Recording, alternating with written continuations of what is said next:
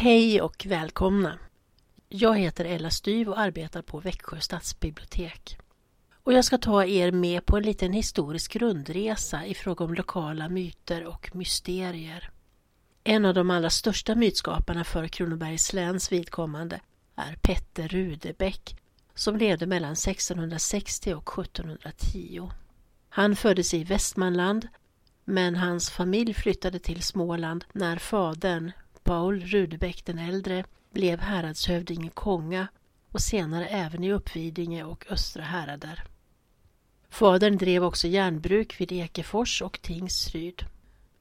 Petters storebror Paul den yngre efterträdde fadern som häradshövding och tillsammans blev båda bröderna bruksägare på Huseby år 1689. Här lät Petter tillverka kanoner för krigsindustrin. Han hade själv varit med i skånska kriget och varit regementskvartermästare vid Kronobergs regemente. Han gifte sig och fick elva barn. Och hans allra största intresse i livet var historia.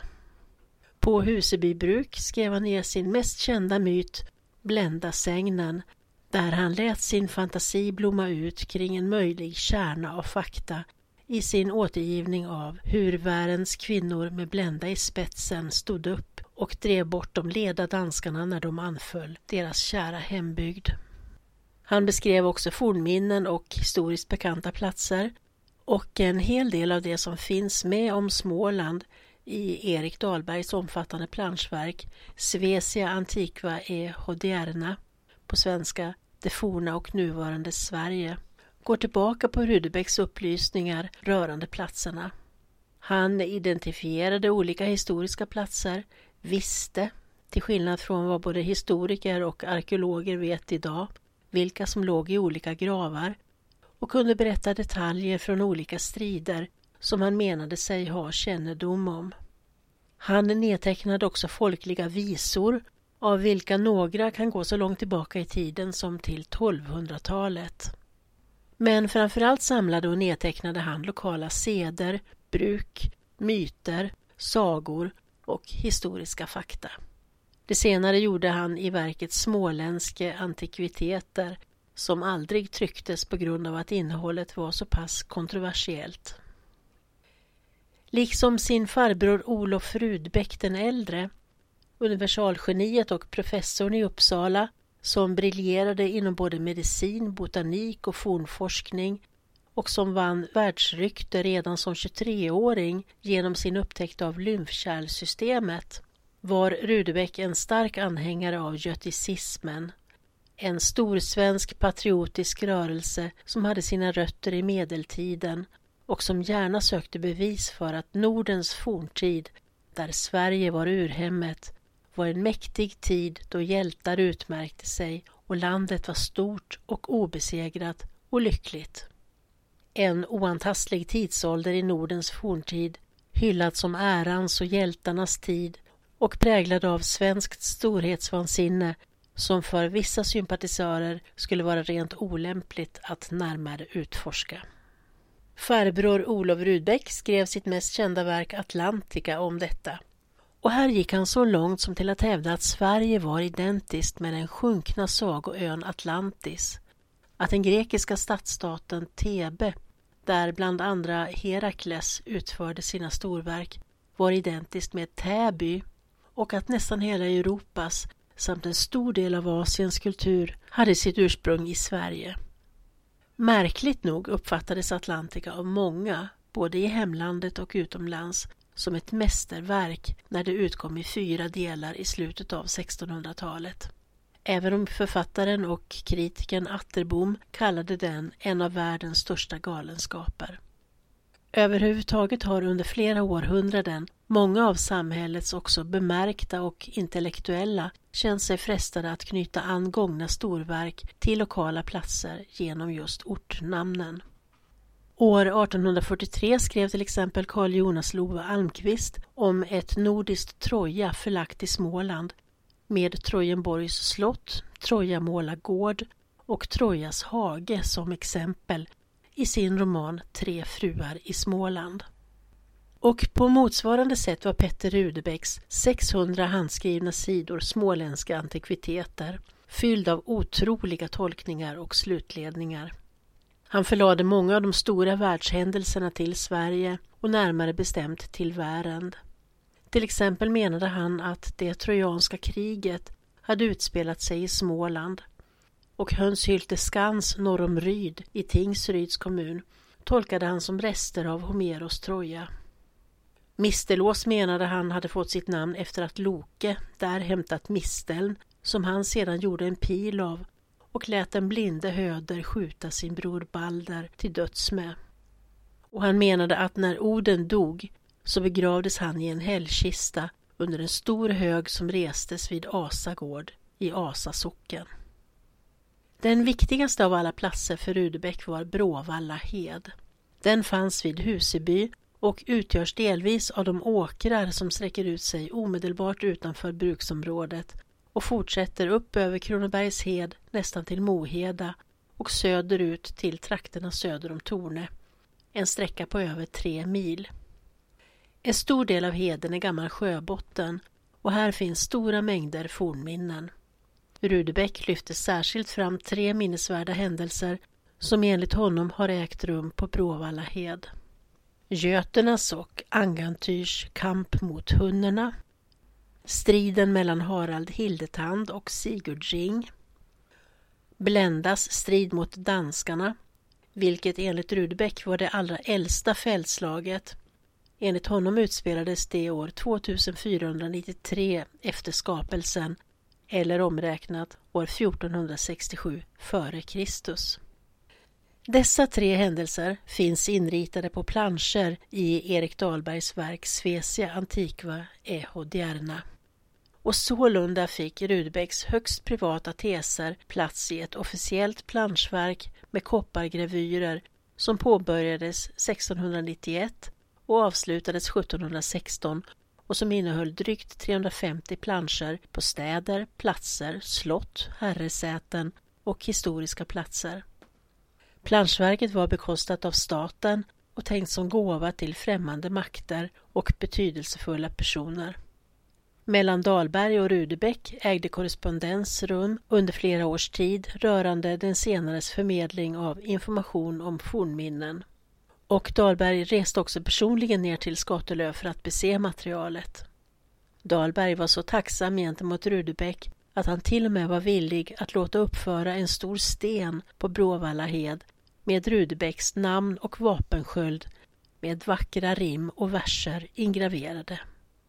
Och år 1691 skickade Dahlberg lantmätaren Anders Ekebom till Skatelöv för att under 14 dagar upprätta en noggrann karta över Bråvalla Heds fornminnen efter Rudbecks anvisningar. Kartan uppvisar en hög grad av tillförlitlighet och exakthet med tanke på de enkla tekniska hjälpmedel som en kartritare hade i slutet av 1600-talet.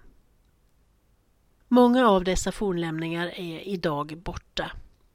Folklivsforskaren och konstnären Nils Mandelgren besökte i mitten av 1800-talet området mellan Hunna och Skallakulla och han skriver att på Torps ägor skulle ett skolhus byggas utmed vägen mellan Skatelöv och Torsås. När han kom dit hade man redan börjat röja åsen som bestått av fyra ättehögar och bara en enda återstod. Han påpekade att man inte bara kunde avlägsna högarna emedan det var olagligt men man svarade honom att dessa högar nog knappast skulle kunna intressera vetenskapen. Mandelgren visste inte hur han skulle gå vidare men bad om att få vara med när man grävde sig igenom den fjärde högen. Och den visade sig vara en brandgrav.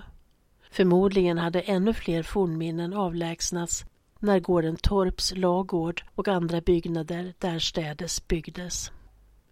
På en plats, vid smedjan vid Sjöby Ene, berättar Mandelgren att en potatiskällare ett tjugotal år tidigare hade byggts av bautastenar. Erik Dahlbergs kartritare, lantmätare Ekebom, uppger att ute på en holme i Heligå ungefär 570 meter norr om Huseby, ska en fästningsanläggning vid namn Svaneholm ha legat. Han hänvisar till en detaljerad planteckning av denna i en av Kungliga bibliotekets handskrifter och markerade den även på sin egen karta. Enligt gamla sägner som Rudebeck hört ska Svaneholms slott ha byggts av en konung Regner och blivit uppkallat efter dennes danska drottning Svanvita och försvunnit genom att sjunka ner i jorden. En inventeringsförteckning över området utförd 1935 av författaren och filosofiekandidaten T.H. Pettersson i Växjö anger att Svaneholm finns upptagen i den så kallade Gyllenhielms atlas, en karta över de Gyllenhielmska godsen som upprättades 1637 och som förvaras i Riksarkivet. Möjligen är det samma planteckning som Ekebom nämner.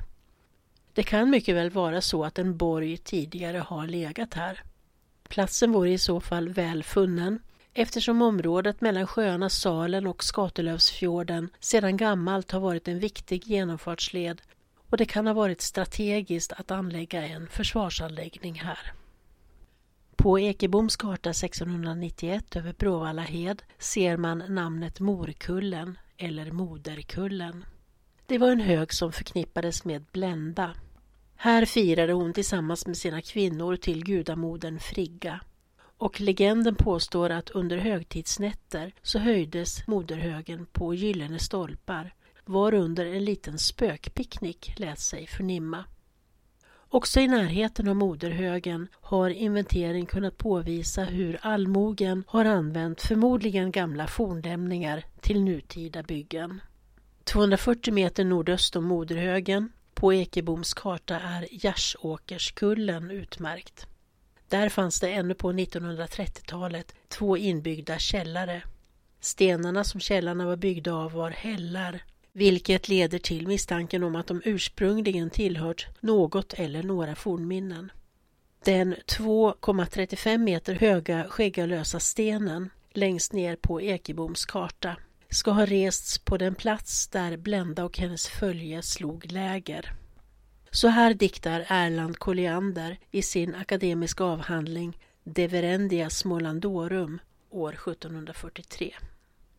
Bråvalls hed i Småland har svenska amazoner till beröm i gott förvar pigor och matroner som gjort stora nederlag deras gravhög än idag kallas dem till tacka skäggalösa backa.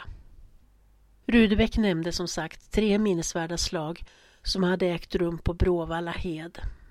Av dem ingår både historien om Göternas och Angantyrs kamp mot hunnerna och den om Harald Hildetands och Sigurd Rings envig i verket Danmarks krönika, Gesta Danorum, som skrevs av Saxo Grammaticus på 1200-talet.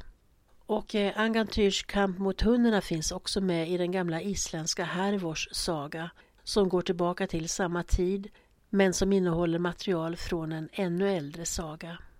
Några kilometer söder om Skatelöv, vid Skatelövsfjordens västra strand, finns en plats som heter Hunna. Här placerade Rudebeck in diverse händelser från slaget mot hundarna.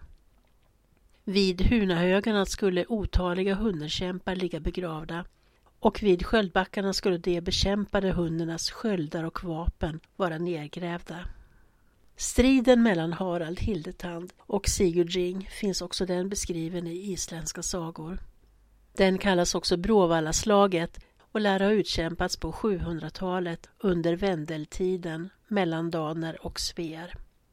Enligt historien härskade Harald över både Danmark och Sverige men gav Sverige till sin systerson Sigurd. Fastän de var släkt och trots att Harald var både gammal och blind beslöt han sig för att strida mot Sigurd. Slaget blev det största som någonsin stått i Norden och det slutade med att Sigurd segrade efter att Oden själv, förklädd till Haralds körsvän, slog ihjäl Harald med hans egen stridsklubba. Haralds kropp brändes därefter på bål ovanpå hans kungliga skepp och askan fördes till Leire i Danmark där den så kallade Haralds gravhög ännu finns kvar. Sigurd å sin sida fogade Skåne till Sverige och gjorde Danmark till ett svenskt lydrike. Han blev sedermera far till Ragnar Lodbrok och dog vid hög ålder. Också i detta fall förlade Rudebeck åtskilliga minnen efter slaget till trakten mellan Skatelöv och Hunna. Bland annat ska kämpen Ubbe från Frisland ha deltagit i striderna och därför menade Rudebeck att han ligger begravd bland fornlämningarna strax intill Skatelövs kyrka vid Ubbes backe. Och tvärs emot historien om att Harald Hildetands aska fördes till Danmark och begravdes där har Erik Dahlbergs lantmätare Ekebom på en karta efter Rudebecks anvisningar ritat ut Haralds grav som en rund dubbel stensättning och med en stor centralt belägen sten på gravfältet Runne backe på Bråvalla hed. Men Rudebäck står inte oemotsagd.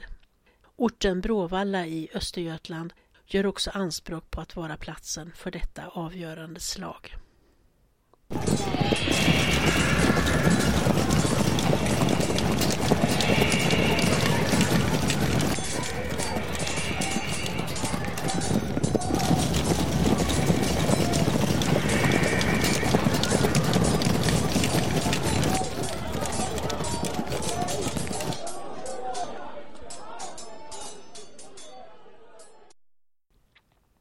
Blenda var enligt sägnen en kvinna från Konga härad i Värend som samlade en stor här av bondkvinnor för att slå tillbaka ett danskt härnadståg. Kung Alle, som i denna tid regerade Småland, befann sig vid detta tillfälle med allt sitt krigsfolk i Västergötland, varför trakten stod utan försvar. De danska styrkorna närmade sig sedan de härjat, bränt och ödelagt både Agunnaryd, Pjätteryd, Stenbrohult och Viresta. Blenda lät sända ut budkavlar där hon uppmanade alla kvinnor i de fem Värendshäraderna att ansluta sig till ett gemensamt motstånd. Uppslutningen blev stor och överallt ifrån strömmade kvinnor med vapen i form av liar, spjut, yxor och trästörar.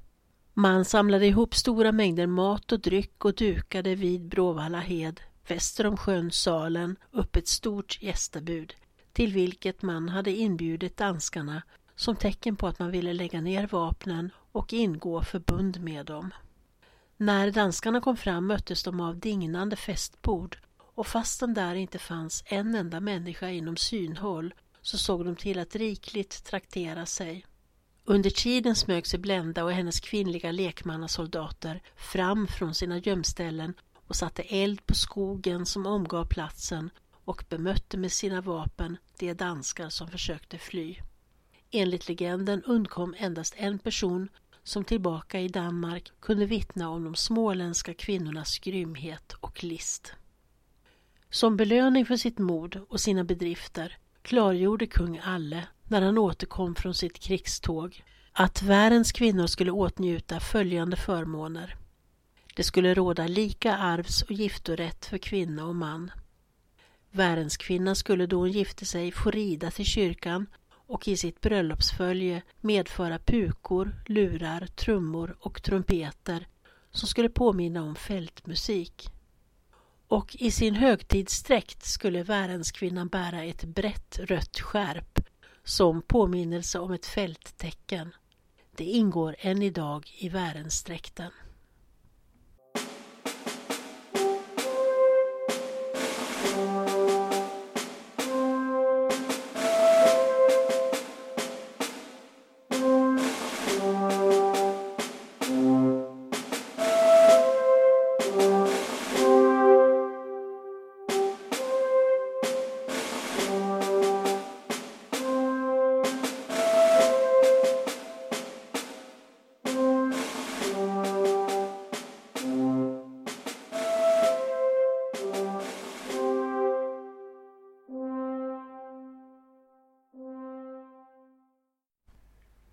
Rudebeck var snabb att markera minnesvärda platser på kartan efter Blendas och hennes kvinnors heroiska insatser. Blädinge påstods ha fått sitt namn efter Blenda själv. Vid Tumlingerör, omkring en kilometer söder om Blädinge kyrka, skulle den danska härföraren Tumlinger ligga begravd. Medan en annan historia vill förlägga denne vildes sista viloplats till Tumlingerör i södra spetsen av Kronobergshed. Det danska gästabudet med den åtföljande slakten ska ha ägt rum vid Dansjön, cirka en mil norr om Blädinge. Här finns också Kongshögarna, där den danske kungen och hans söner och närmaste män från anfallet ska ha begravts. Vid Skäggalösa by slog Blenda läger med huvuddelen av sin här och namngav sålunda orten enligt Rudebeck. Efter segern begav hon sig med sitt följe av kvinnor hemöver igen. De slog läger på Blodberget, en vacker plats vid sjön Åsnen inte långt från Odensjö och eftersom den platsen var helgad åt guden Oden och därför helig stannade de kvar i flera dagar och roade sig med dans och lekar och olika sorters offer åt sina gudar och gudinnor. De tvättade också sina nerblodade kläder i den vik av Åsnen som finns strax nedanför berget och som har fått namnet Blodviken. Flera historieskrivare har efter Rudebeck återberättat sägnen om Blenda, varför detaljerna ibland skiljer sig åt. Gunnar Olof Hyltén Cavallius skriver ner sin version i artikeln Sägner om Värens härad. Där nämner han att de bofasta bönderna i närheten av denna plats ännu på hans tid hävdade att det under vissa högtidsnätter gick att höra ljudet av dans och lekar från Blodberget och att underliga saker samtidigt kunde förnimmas. Enligt legenden ska det också finnas en grotta mellan Odensjö och Skäggalösa som heter Puka kyrka. Där satte kvinnorna en röd skål fylld med blod på ett stenbord för att helga åt Oden. På stigen runt om berget hade trollen lufsat och därför ska inget gräs kunna växa där. Senare sökte sig ogärningsmän dit och vidskepelse lär också ha utövats inne i grottan. Men ingången ska enligt uppgift ha rasat igen under 1600-talet. Sägnen berättar att Blenda efter sitt storslagna hjältinnedåd länge bodde tillsammans med sin man på gården Värnlandia eller Väderlanda i Nöbbele socken och efter sin död begravdes hon där på en vacker plats i Gärdet under en lummig ek i Bländas kulle. Medan kung Alle till sin död bodde på Allatorp vid Toftasjön i Tävelsås socken och ligger begravd i en stor ättehög i grannskapet av Vederslövs kyrka. Bländasägnen är en uppdiktad berättelse men liksom de flesta myter och sägner så bygger den på bottnar av historiskt underlag. Amazonsägner finns på så vitt skilda håll som hos Homeros, hos den bibliska Judit, i Johannes Magnus verk samt i de isländska sagorna. Kronobergs län har därtill historiskt sett länge varit ett utsatt område. Den geografiska närheten till Danmark genom den då gällande riksgränsen mellan Småland och Skåne har gjort att området flera gånger har blivit utsatt för danska härjningar. Under medeltiden angreps Småland vid upprepade tillfällen av danska styrkor. Vid det sista stora historiskt dokumenterade danska anfallet 1612 både brändes Växjö stad och så gott som hela den manliga befolkningen i Blädinge, Slätthögs och Mistelås socknar stupade medan byarna stacks i brand. På grund av dessa ofredshot har man sedan lång tid tillbaka haft bemannade försvarsvärn och vaktställen på diverse platser i Värend. Ett exempel på detta är Kronobergs slott strax utanför Växjö som byggdes på 1300-talet som just en befästning åt biskopen i Växjö stift. Peter Wieselgren är idag mest ihågkommen som nykterhetsförkämpe och präst. Men han hade betydligt fler strängar på sin lyra än så. Innan han utbildade sig inom kyrkan var han professor i estetik vid Lunds universitet och vice bibliotekarie på Lunds universitetsbibliotek. Och livet ut var han hängiven kulturhistoriker. Hans litterära kvarlåtenskap uppvisar en otrolig lärdom och beläsenhet. På 1840-talet utgav han det kulturhistoriska arbetet Ny Smålands beskrivning inskränkt till Växjö stift i tre delar med åtföljande bihang. I det verket hemfaller han emellertid åt samma sorts storvulna stolthet över hembygdens rika historia som Rudebeck 150 år tidigare. Han utgår på samma sätt som Rudebeck från antika skribenters tideräkning enligt vilken världen skapades av Israels gud för 7500 år sedan. Detta ger tidsindelningar som inte alls stämmer med nutidens vetenskapliga. Wieselgren försöker i sitt arbete fastställa när asaguden Oden kom till Norden. Han ställer frågan om virdarna och grekerna hade någon beröring med varandra och även han likställer forna dagars Hönshylte med Trojenborgs slott. Wieselgren skriver också i sin Ny Smålandsbeskrivning att det funnits en ättestupa uppe på Solberget som man kallat för Dödsspringet och att man knuffat ner människor därifrån, inte bara gamla utan också missdådare och även oskyldiga. Terrängen nedanför med namnet Konungsmaden ska enligt honom ha varit en igenvuxen vik av en sjö samt att träden nedanför har spetsat hjärtarna på dem som kastats ner och att någon även fått rulla ner i en spiktunna. Och att vid en källa på bergets topp skulle det ha offrats men aldrig blivit något stulet eftersom alla visste att tjuven i så fall skulle överta den sjukdom som den som offrade till källan led av. Också Carl von Linné skriver i sin öländska resa 1741 att på östra sidan av Solberget fanns en ättestupa, Dödsprång kallad. Hovslund betraktas av historikerna som en urgammal kultplats och offerlund där religiösa offer förrättades. Bland annat Gunnar Olof Hyltén-Cavallius skriver härom i I Värend och Virdane. Och eh, Peter Wieselgren skriver att högstammiga ekar fordom växte i lunden. Lunden har ritats in på en gammal lantmäterikarta från 1697 som Bokelund söder om Hovsby och öster om den gamla vägen ut mot Kronoberg. Här botaniserade Linné under sin skoltid på 1720-talet och många skolklasser har gjort utflykter hit och haft picknick. Den juridiska motsvarigheten till den religiösa kultplatsen vid Hovslund ska ha varit tingsbyn vid Sjöderby, folkbyn längs vägen mot Kronobergs slottsruin. Där lästes lag och skipades rätt för hela världen i förkristen tid. Det låg möjligen där gravfältet vid Lilla Fjäll finns idag, vid gamla Kronobergsvägen vid avtagsvägen till Lilla Pene. Sjoth betyder just folk, jämför Svithjoth.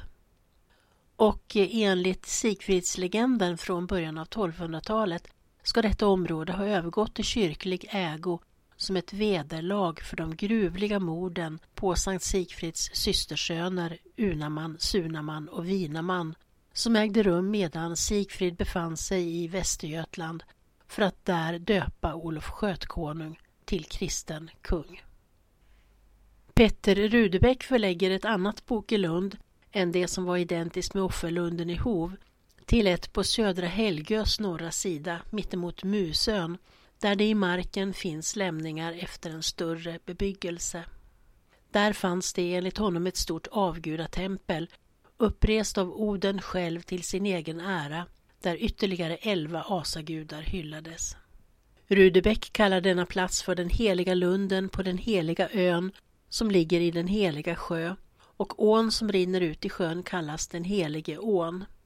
Och vid heliga Värman och dess vattenfall fanns kvarnar och såg och där fångade man också ål.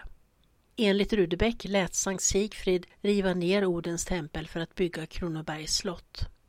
På Helgö vid Bokelund ska också på 1300-talet biskoparnas helga skog ha legat, där de bodde på sommaren och vintertid inne i staden Växjö och där det även ska ha funnits ett hospital för gamla och svaga. Enligt Peter Wieselgren fanns vidare en Silviaistad i närheten av Areby gård med en källa som kallades Leva källa, Levekällan eller Silvesta källa. Här badade man enligt folksägnen innan man begav sig till templet på Helgö. I mitten av 1850-talet ska denna källa ha benämnts som Silverkällan. Här i denna underbara stad ska det ha funnits ett kloster för kvinnor. Man åt på guldtallrikar, spelade sittra och dansade. Linné skriver helt kort i sin gotländska resa, också år 1741, att Silva källa ligger vid landsvägen på väg mot Stockholm via Jönköpingsvägen jämte andra fjärdingsstolpen från Växjö på höger hand och att den en gång hade varit en väl uppmurad offerkälla.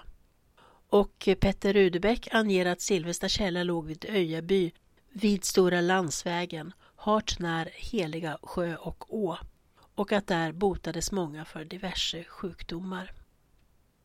Vad gäller myter och mysterier så kan vi inte kringgå lindormen som hade ett stort lokalt folkloristiskt uppsving under slutet av 1800-talet då folklivsforskaren och etnologen Gunnar Olof Hyltén Cavallius bedrev studier kring den och uppmanade människor att komma och berätta om sina personliga möten med denna skräckenjagande best som såg ut som en blandning mellan en orm och en sagans drake. Detta resulterade i en stor mängd vittnesbörd där varje redogörelse styrktes av namngivna vittnen. Flera av dessa var bemärkta namn i samhället såsom bruksägare Johan Lorenz Askan och friherre August Wilhelm Rappe. Redogörelsen skickade Hyltén Cavallius sedan in till Kungliga Vetenskapsakademin under titeln Om draken eller lindormen. I den första upplagan från 1884 finns rapporter från 20 uppgiftslämnare med och året därpå kom en utökad upplaga med totalt 48 rapporter. Vittnesmålen handlar om sådant som utspelat sig under en 50-årsperiod från 1820-talet och fram till 1870-talet. Och bland uppgiftslämnarna kom de allra flesta från Värend. Man hade stött på lindormen på de mest skilda håll, i skogen, bland stenrösen och ibland nere vid en sjöstrand. Alltid var mötena skräckinjagande och lindormen hotfull då den reste sig i upprätt ställning, ibland ända upp till manshöjd och gick emot den med vidöppet gap med vassa tänder. Dess mun liknade ett gäddgap och dess andedräkt var giftig. På ryggen hade den fjäll som den kunde fälla upp och ner och dess ögon var stora och utstående och hade en blick som var ohygglig. Flera av dem som påstod sig ha gått lindormen till mötes med en påk i handen för att försvara sig erkände att de dessförinnan hade varit tvungna att stärka sig med en redig sup. Men oftare än så bara flydde man därifrån så fort man kunde. Reaktionerna på Hyltén Cavallius publicerade verk hos Vetenskapsakademin var inte entydigt positiva. Tvärtom fick han utstå en hel del både kritik och smälek. En botaniker och mossexpert med det matchande namnet Hjalmar Mossén skrev i sin bok Ormhistorier att fördomarna ruska på sig och vakna åter i värend. Och Smålandsposten publicerade både raljerande artiklar, rena kåserier och upprörda försvarsinlägg från allmänheten, allt i en enda blandning. Allra mest skoningslös var tidningens egen kåsör Alfred Sigurd Hedenstierna som inte drog sig för att anfalla vem det än vara månde. Han häcklade för övrigt också Gustaf Fröding och korresponderade hetskt med August Strindberg i vilken han hade en jämbördig kombatant i fråga om att doppa sin penna i gift. Hyltén Cavallius å sin sida kom aldrig riktigt över omvärldens spe och det blev aldrig några fler vetenskapliga undersökningar från hans sida. Han dog också bara några få år därefter. Sant är i alla fall att det inte finns någon entydig förklaring på vad lindormen är. Ifall det handlar om en okänd djurart, synvillor, möten med stora gamla ormar som efter skinnömsning har en del av det gamla skinnet kvar på ryggen, masspsykos eller bara fylledille. Men ett tips är att skulle ni råka på en lindorm i skogen så spring därifrån så fort ni bara kan, för säkerhets skull.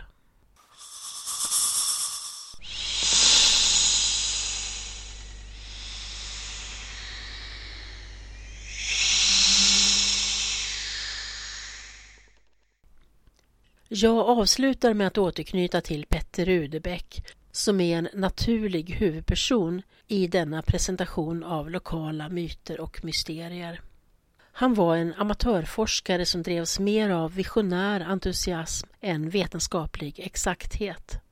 Men utan hans outtröttliga nit och allt det arbete han lade ner på att förteckna de fakta, myter och skrönor som han stötte på skulle vår kunskap om det gamla världen vara mycket mer utarmad. Och i det sammanhanget kan man konstatera att det var ett lyckokast att han och Erik Dahlberg fick kontakt och att den senare sände ner lantmätaren och kartritaren Anders Ekebom som fick följa med Rudbeck ut på fältet och noggrant märka ut och förteckna olika fornminnen.